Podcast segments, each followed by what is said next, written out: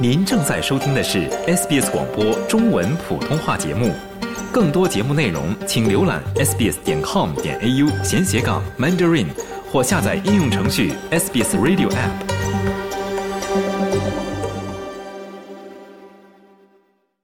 从法律角度看待社会现象，以专家意见指点生活迷津。请听现场说法。现场说法，您了解法律、咨询问题的空间。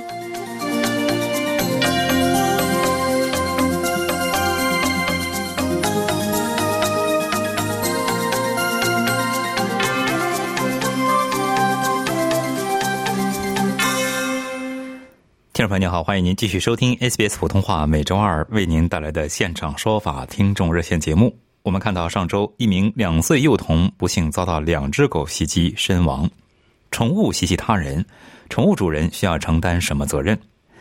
今天做客我们现场说法听众热线节目的嘉宾呢是奥斯陆奥和绿业管理合伙人林慧明律师，林律师呢将和您聊一聊宠物犬管理的话题。欢迎听众朋友拨打热线电话一三零零七九九三二三一三零零七九九三二三参与节目咨询法律问题。接下来，首先来连线本期节目嘉宾林律师，您早。早上好，俊杰，听众朋友们好。非常谢谢林律师做客我们的节目哈。林律师，我们不幸看到上周一名两岁幼童遭到两只狗的袭击身亡，您能给我们简短的回顾一下这一事件吗？哎，好，没问题。在上周二有个新闻引起了蛮多的关注，特别是宠物呃饲养者爱好者的关注，就是在两岁的幼童啊，他在一个汽车旅馆里面遭到了两条狗的这个攻击，攻击他的两条狗的品种呢，分别是这个罗威纳跟澳洲牧牛犬。嗯，那么呃，在本案当中啊，警方呢提出袭击人的两条狗呢是安置在院子当中的，对，导致狗袭击幼童的原因呢仍在调查当中。但汽车旅馆的老板发现男童遇袭后呢，就马上把他带去了医院，甚至动用了直升机把他带去医院。但是呢，不幸的是，在当天下午，男童在手术中就去世了。后来呢，市政府呢在现场也抓到了这两条狗，第二天呢也对他们进行了安安乐死的安排。那目前两条狗对袭击男童的原因呢仍不明确，狗的主人呢是酒店的员工，但。奇怪的是，这两条狗之前呢也和小朋友一起玩过，但是也没有出现意外，所以当中可能有一些原因，或者有些动机，或者有些经过，可能已经无法查明了。但是随之而出的责任的承担啊、赔偿啊，可能就引发了蛮多的法律问题。嗯，就是在现实生活中啊，如果是发生这个宠物狗就家里养的这个狗啊袭击人的事件的话，一般会触动或者动用哪些法律来？牵涉到这个涉事多方呢？哎，是，呃，这个呢是第一个，我们要知道我们要用什么法律来保护自己，当自己受到了宠物的袭击的时候，呃，当出现狗袭击人的时候，为了调查事件呢，当地政府呢会同时考虑所在州的这个法律，比如说是昆士兰州的话，那就是二零零八年的昆士兰动物管理法，这里呢是主要针对于狗和猫。和当地的这个市政府的法律，比如说布里斯班市政府举例子颁布的二零一七年的动物当地法，啊，还有其他不同的州当地都会颁颁布一些动物的管理法。那么在呃，还是以二零零八年昆士兰动物管理法关于狗和猫的法律的规定当中呢，宠物主人啊是不能鼓励或者允许狗对人或其他动物进行袭击和恐吓的。否则会构成犯罪。法律呢也规定了对犬类的注册以及危险犬类的这个声明。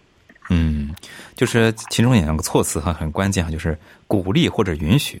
我相信哈，一般宠物的主人一般也不会做出这样的举动或者这样的授意哈。就说，嗯，那一般来说哈，如果是比方说宠物狗袭击了他人，导致他人受伤，甚至严重导致伤亡了哈。嗯，这个宠物的主人他会相应的担责吗？嗯，是的。那根据这样的法律，如果是狗袭击人的话，那么两种情况：第一种呢，人狗的这个负责人可能会受到这个处罚。对，如果证据能显示狗主人违反了这个州法律或者是当地市政府的这个法律，没有预防宠物袭击人的事件发生的话，那么当地政府也会做全盘的考虑来决定是否对负责人来提起诉讼。如果狗主人未能将狗狗登记在注册，或者没能把狗狗啊关在这个所内，或者没能让它在公众场合有效的控制，那么政府呢都有可能对现场的这个狗主人进行这个罚款。那么当地政府是可以在袭击事后的一年内都可以对狗主人进行诉讼的。这第一种情况，对于这个负责人的。那么第二种情况，对于这个宠物本身。如果当地政府官员相信宠物参与了袭击事件，或者狗主人不能保证狗不会再次的袭击人或者其他的动物，也就是说，负责人他没有足够的能力条件或者地方空间来安置宠物，那么当地政府呢也会带狗带走这个宠物。啊，当然，宠物被带走之后呢，负责人或者饲养人呢可以申请去探视狗。那么，当然，在这个案件当中，其实已经比较恶性了，因为男童都去世了，对，所以第二天呢，其实就实行了这个安乐死。嗯，在这个案例中，我们看到这个这个相当于是汽车旅馆的主人呢，马上是送这个孩子就医哈，但虽然最后是不治身亡了，但是做出了这个救治的举动哈。就说，如果是这个案件中案例中，这个涉事方被起诉了，就是他。对这个受害者，那是受害人，嗯，提出的这个帮助，还有这个医疗费用或者是其他一些费用的支持，会不会比方说减轻他受到的相应的处罚呢？嗯，是的，这也是这这也是这个狗的这个负责人啊，他其实应该要尽到的一个法定义务。当他的饲养的这个宠物造成了他人的损害之后，那么其实他应该去。做一些这样的这个赔偿，或者是将损失给降低。但是需要注意的是呢，当地政府决定是否因为袭击而起诉负责人时，他们不会考虑狗主人是否支付了受害者的医疗费用，或者兽医费用。呃，也就是说，他们是否起诉不考虑你是否已经做了赔偿，因为这样的事件已经发生了。对。已经发生了，当然，这样的赔偿行为呢，可能使得他的相关的这个呃处罚或者是后面的这个赔偿啊降低，那有可能。所以呢，狗主人被起诉之后呢，承认自己的这个过失或者是罪行，或者在诉讼后被判有罪，那么法院在考虑罚款的时候，就会酌情考虑是否这个负责人已经赔付了受害人或受害动物的医疗的这个。费用的事实情况了。那么，按照法律规定呢，当地政府啊是不能提供受害者的联系信息给到袭击事件的负责人，要有所隔离，要有所隔离。但是呢，这个呃负责人可以通过要求当地政府提供受害者的信息，给予这个呃相关的这个赔偿或者相关的这个补助。这就是对责任双方可能是有一种相互的一个保护，对吧？嗯，是的。嗯，非常感谢林慧明律师的介绍。听众朋友，您正在收听的是《现场说法》听众热线节目，欢迎您继续拨打热线电话一三零零七九九三二三参与节目咨询法律问题。接下来我们来接听听众电话，这位是李先生，李先生您好。啊，你好。你好，您请讲，是您。啊啊，对，好啊，林律师好，主持人好。你好，我想咨询一个有关租借的问题，可以吗？嗯，请问。啊，好的。呃，我有一个物业出租。那么，呃，疫情期间的话呢，租金就压的比较低。现在呢，就想提高一点。那么呢，我呃，A 警就说你要加一，你要加租金的话呢，要给住客有六个星期的通知。那么呢，在合同期间前四个星期，我就叫 A 警给呃那个住客发了一个通知，给他两个，给他征求他的意见。他要是接受新租金，可以继续租；要是他认为不接受的话呢，他可以退出。嗯，住客呢答应了，很爽快就答应了。那么这样就啊，事情就继续进行下去了。因为租金变动了，那么合同就要重新修改。啊，到新呃新合同寄给我的时候呢，我一看，他那个条文呢，我就有觉得有点不同的意见。他写的是什么呢？新租金从新合同生效以后六个星期才才生效，嗯，我就觉得这有点不符合，因为是同一个延续的住客，那么我已经提前四个星期通知你了，你也答应了，那么这六这四个星期算不算在这六个星期的通知期以内？也就换句话就说，呃，新的租金能不能呃，是不是应该在新合同生效以后两个星期以后就开始执行？我想问一下，有没有这个规定，说必须要新合同以后六个星期才实行？哎，好的，谢谢李先生您的问题。我先问您两个事实的细节问题啊。第一个问题，您是在哪个州呢？新州。新州。然后第二个问题，您跟他签的租约是什么时长？是月呃 month by month 每个月一签还是时长是多久呢？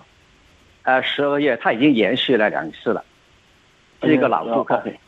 好的。然后这一次的六周是在十二月当中的已经快要结束了，还是当中去把它进行了一个变化？双方同意去变化？合同到期前的四个星期给他的通知。哦，好的，我了解了。那根据刚才这个事实您的描述啊，我比较倾向于是四加二，也就是说，您在这个签署新合同之前，其实已经给到他四周的这个通知了。但是呢，老租约其实要求的只是说六周就可以大家来讨论一个新的这个租金。那么您给了四周的通知之后呢，其实还只剩余两周的通知期限。对。那么您在这个签的新合同的，您可以晚两周签新合同，然后呢，把那两周按老合同给执行完毕，新合同就按照新租金来。或者您就先签了新的租约，但在里面可以约定说，OK，前两周是老租金，后两周是哦，之后是这个新的租金。按照您刚才的描述，我比较倾向于是四加二这样的安排。哎，是这样的，因为现在都已经全部搞好了，其中这个做新合同的期间呢，A 姐没有跟我们呃那个做沟通，他的新租呃他就把那个呃旧租约到期的那天。做了一个新的合同，那么新的合同呢，就是说从新合同以后的第七周才开始算那个租金，理解，他就变成了零加六了。那我比较担心是不知道是否在四周之前您告诉过中介，但中介是否有把这个信息啊传达给租客？我担心可能这一点是否没有做到，您可以跟他确认一下。您可以要求他把这个通知哦，有太好了，嗯，有这个已经确认了，因为四周前。就是说，五周前我们跟那个 A 警这样沟通的时候，他说你必须给他呃六周。那么呢，我们就说按照规定呢，业主跟租客有什么那个续租和退租的时间规定呢，要必须提前四周。所以呢，四周的时候呢，我就在 A 警给他发了一个通知，征求他的意见，他也回了同意。这样的话呢，我们就说啊，大家都同意，OK。那么呢，A 警就做了个新合同，但是 A 警做新合同的时候呢，具体的条文没有跟我们沟通。我是收了一个收了他的新合同以后，才发现他原来写的是新合同以后第七周才实行新租金，所以我就觉得这个好像有点不合理，因为是一个延续的租客。对，是的，理解。所以在这种情况下呢，可以跟中介要求啊，让他把合同改成之前旧租约里面要求的，给予六周的通知，大家就可以进入一个新租金的这个条款。可以跟他要求这么去修改，并且拿着之前四周已经给过的通知来呃证明您的主张。嗯，但是现在已经呃已经开始新租约了，那么租客已经签署了，对，他就不能再改了。您也签了吗？啊，对呀，您也签了吗？对啊，哦，呃不不，呃再不不，呃呃，这我补充一点啊，这个新合同呢不需要业主签，只需要那个租客签，因为是延续的合同。呃，中介应该有钱。呃，应应该有，应该有啊，中介中介可以代表房东签，那中介在里面其实就有一定的过失，因为他没有把呃条款啊给看清。如果中介这样的过失给您造成六周的损失的话，您可以要求中介来承担。嗯。可以有这个规定吗？有的，有的，中介有相关的职责的。嗯，好的，李先生，好的，请您和中介沟通一下，谢谢您，祝您顺利。接下来我们继续接听听众电话，这位是王先生，王先生您好。哎，主持人好，您好，林呃林律师你好，你好。呃，我的问题是关于网上这个购物代理商，我们看到很多呃，比如说 mydeal.com.au，呃，Amazon、Outlet。那么如果和这些网上嗯购物的话，如果出现瑕疵，有没有时间的限制？退货的时候？哦，感谢您的问题。呃，这个呢涉及到两方面。第一个方面呢是这个不同的平台，它可能会有不同的这个呃条款。那这时候您在购买的时候，它商家平台上面这里会做一定的揭露，或者您可以跟商家、卖家再做进一步的这个提问、澄清。这可能是第一个这个问题，您可以注意的。第二个呢就是跟平台无关，就平台假设都已经到期了，但我产品本身还可以换。产品的周期有时候可能比平台的周期短，或者比平台的周期长。那么这时候呢，我们可以联系这个平呃产品方，直接跟产品方去对接去兑换，也可以这两种选择。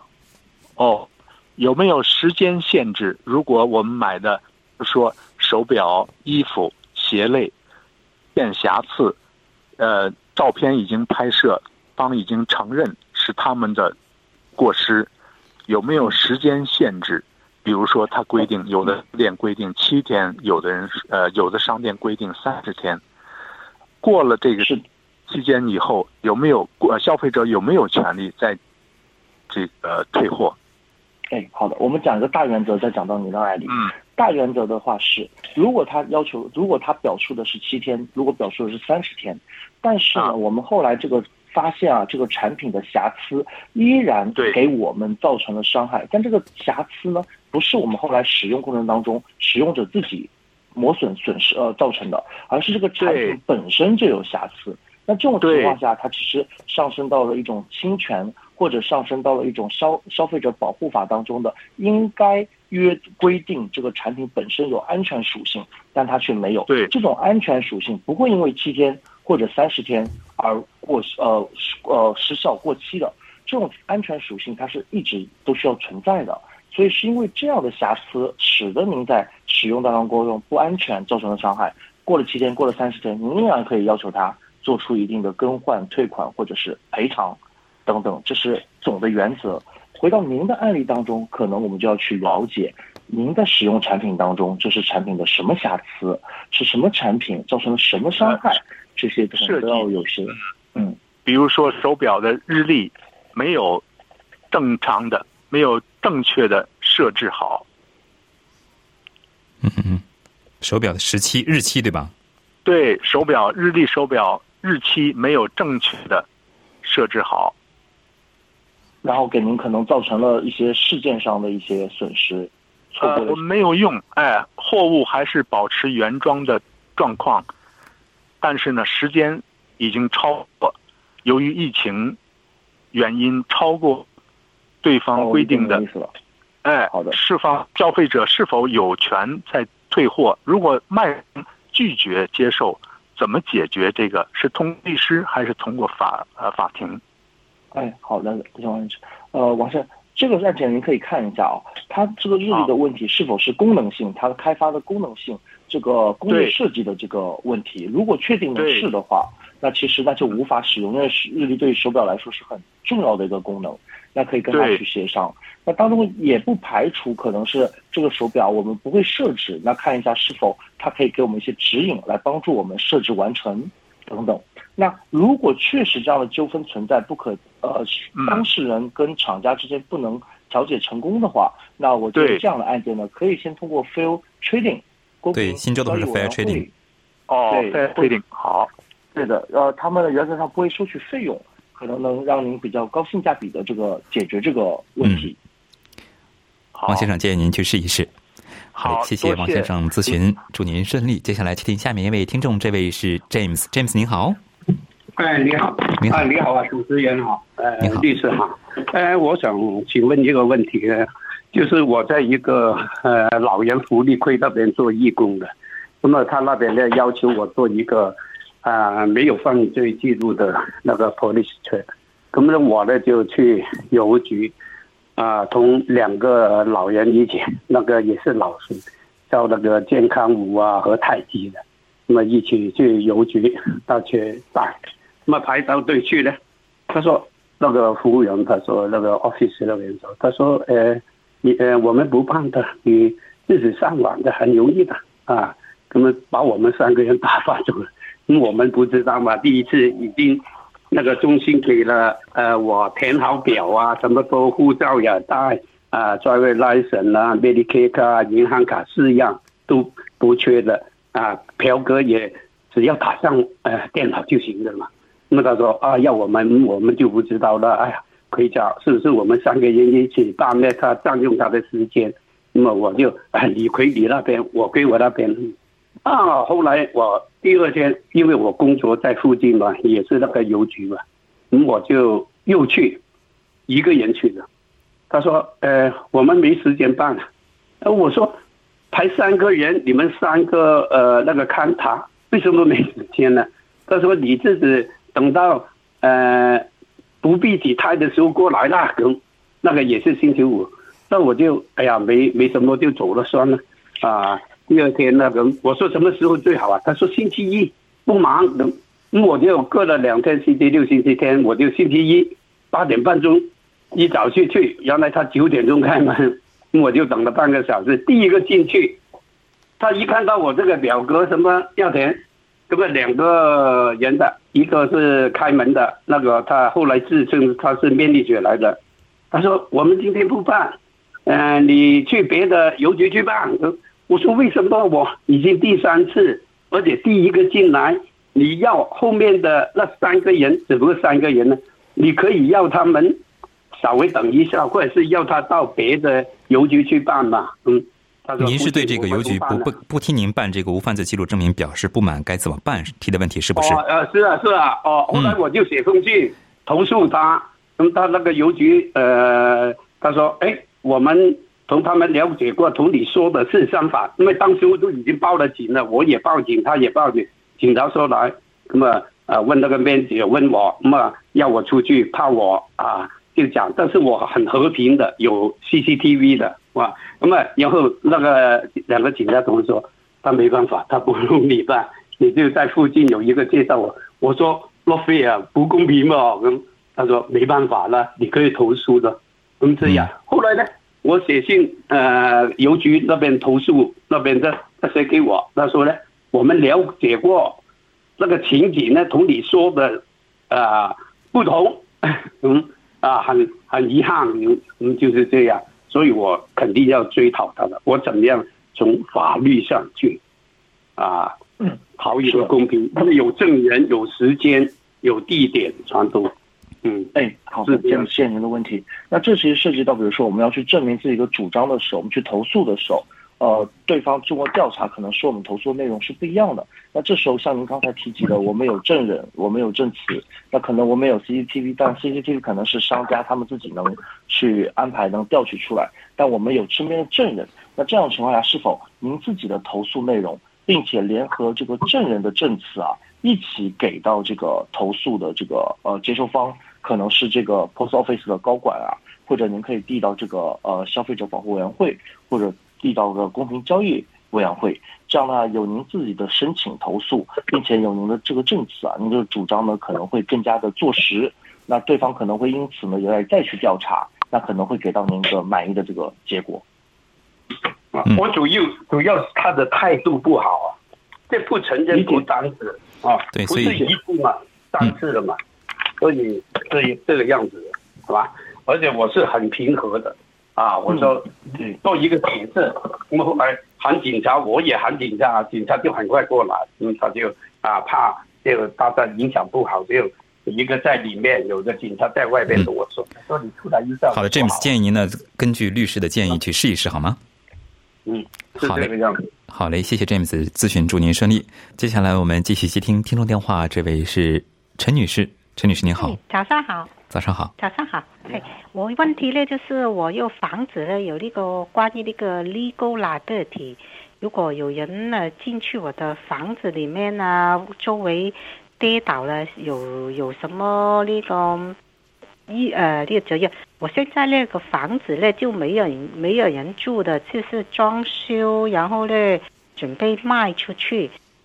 我现在想买那个 insurance 嘞，那个但是 insurance 他说你现在没有人住啊，我们不能受保啊，不能买那个保险啊，那个 building 啊，content 这样，那么怎样保保保护我啊？如果真的有人进去了，什么那个看房子的时候跌倒了，有意外了，他现在我没没没能买那个保险。好的，谢谢您了解您的问题。那您提的问题呢是说，在装修过程当中，如果有其他人进入到您的房子进去之后，他受伤了怎么办？这种情况下，您委托的这个装修公司啊，他们呢会去买一个建筑保险。这种建筑保险呢会包含啊，他们工人自己的可能的一个受伤，也可能会包含，比如说其他人进来的一个受伤。但这种情况下，原则上它是会阻止第三方，甚至会包括您在没有事先通知或者事先安排的情况下到达工地。现场的，所以如果没有给到他们通知或者做好安全措施情况下，贸贸然有其他人自自己闯了进来，那这种情况下保险不保。但这种情况下，可能他都得自己承担自己的损失，因为在这个工地上啊，他可能会放了一些装修的这个呃提示或者警告，说你不能进入到工地当中，有危险之类的。但是您刚才提到这保险情况，装修公司、建筑公司。他们会有一个建筑保险来包含整一个装修的这个周期，关于人身伤害等问题。嗯，陈女士，如果他如果他们呃已经做好那个装修之后，我们呢还是没有买那个保险呢，到卖出去了的那段时间呢？哦，那这段时间呃啊，已经装修好的，他们走了，他之后我们要那个买买出去一段时间的嘛？他怎样保？怎样方法保险我们，保护我们？是的，理解您的问题哦。这个时间呢，您有两个的选择，等于是个空档期嘛，两个选择。第一个选择，您看一下装修公司它是否已经全部完工了，还是说它那个时候呢可以让人进去，但是呢它还有一些小小修修补补，有些非常小的地方，或者有几个房间还是关上门他在弄的。那这种情况跟他确认一下，他的这个装修的这个呃建筑保险啊是到。哪个阶段或者到哪个月份，这可以跟他确认一下。如果确定他的工作已经完成了，并且他的装修保险呢也已经建筑保险呢也已经到期了，那这种情况下，您可能要额外再联系保险公司去买，就是其他的。他就是不受不受我那个保险公司，他说你没有人住，他不能受受受保啊，这样啊。哦，您可以告诉他，这个物业现在是可居住的状态的，只是这个。租客啊，或者业主啊，在市场在寻找，不是在装修的不可居住的状态，是可居住的状态，可能随时都有人进来。买出去，卖出去，没有人住的了。但等到他卖出去的这这段时间，全部没有人住。他说：“哦，不能哦，你们我们不能保你哦，因为因为没有人住。”这样。对，您可以告诉他随时。对，您可以告诉他啊，第一，随时都有可能会有人进来，因为要开放。要让人这个做这个参观，那此外呢，这个房子呢已经被建筑公司认为是可以居住的这个状态，因此呢，保险是必不可少的。那如果这家它确实不好，您可以换一家其他的，对，多多要要报价看。这种情况下应该是换了几家，他都说不能打。啊，那您可以把您的描述啊描述啊，呃，这个饱满一些，告诉他：一，建筑公司认为这是可以居住了；二。随时都有人可能会进来参观或者居住，随时都可能卖出去交割，所以呢，您需要这个保险，您可以把您的这个解释给到他。好嘞，好嘞，谢谢陈女士，祝您顺利。接下来我们接听下面一位，这位是赵先生，赵先生你好，您有问题提问吗？呃，很简单，我有一个狗是很大一个大狗，在一个公园里可以遛狗的公园里。别的狗呢来攻击我家的狗，嗯，呃，个问题是我们家的狗呢把他们家的狗这个腿给弄断了，呃，我不知道该怎么处理这个这个问题应该谁的责任？但我的狗没攻击他，他来攻击我家的狗，结果一狗和狗打起来了，狗把我们家的狗把他们家的狗的腿给弄断了，这这该怎么办？哦，好的，谢谢您的问题，您的问题跟我们今天主题非常相关。第一，可能是采证。看一下是否有当时的视频或其他证人能证明是哪只狗可能先发动的相关的攻击来。有有有有录像有录像，哎，太好了。那其次，包括看这个另外一只狗来攻击您家狗的时候，您家狗是否做出了太过多的这个攻击的这个反馈，使得使得另一只狗。这个就不好说，两个狗打起来，这真是没有什么防卫过度，这我就搞不清楚了。是的，那这种情况可能会有相关的赔偿责任在里面，我们可能再细谈。嗯，好的。好嘞，谢谢赵先生，谢谢您的咨询，祝您顺利。听众朋友，以上就是今天的现场说法听众热线节目。因个人情况复杂，本节目呢仅供一般性参考，并无意提供任何法律建议。想听到更多这样的故事吗？您可以通过苹果播客、谷歌播客、Spotify 或者您喜爱的方式下载收听。